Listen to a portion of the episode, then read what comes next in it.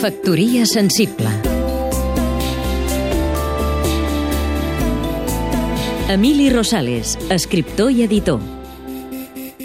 Fins al dia 5 de gener es pot veure a la Biblioteca Jaume Fuster l'exposició Aquesta festa del llibre serà de color carbassa, un títol que fa referència al color que tradicionalment ha identificat els llibres de la col·lecció A tot vent d'edicions Proa i que commemora el rellançament de l'editorial als anys 60 del segle XX.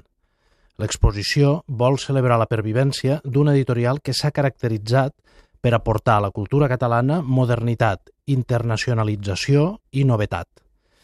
Les traduccions de clàssics i de grans autors contemporanis estrangers, a més de la descoberta de valors catalans, ja van ser la marca de la casa als anys 30, i aquesta tradició va ser represa als 60, en un context d'optimisme cultural i editorial.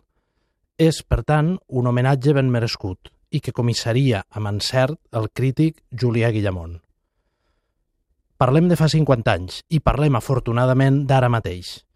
És clar que el context actual és ben diferent. Més favorable a la literatura en català, però, en canvi, en un ambient editorial general d'incertesa.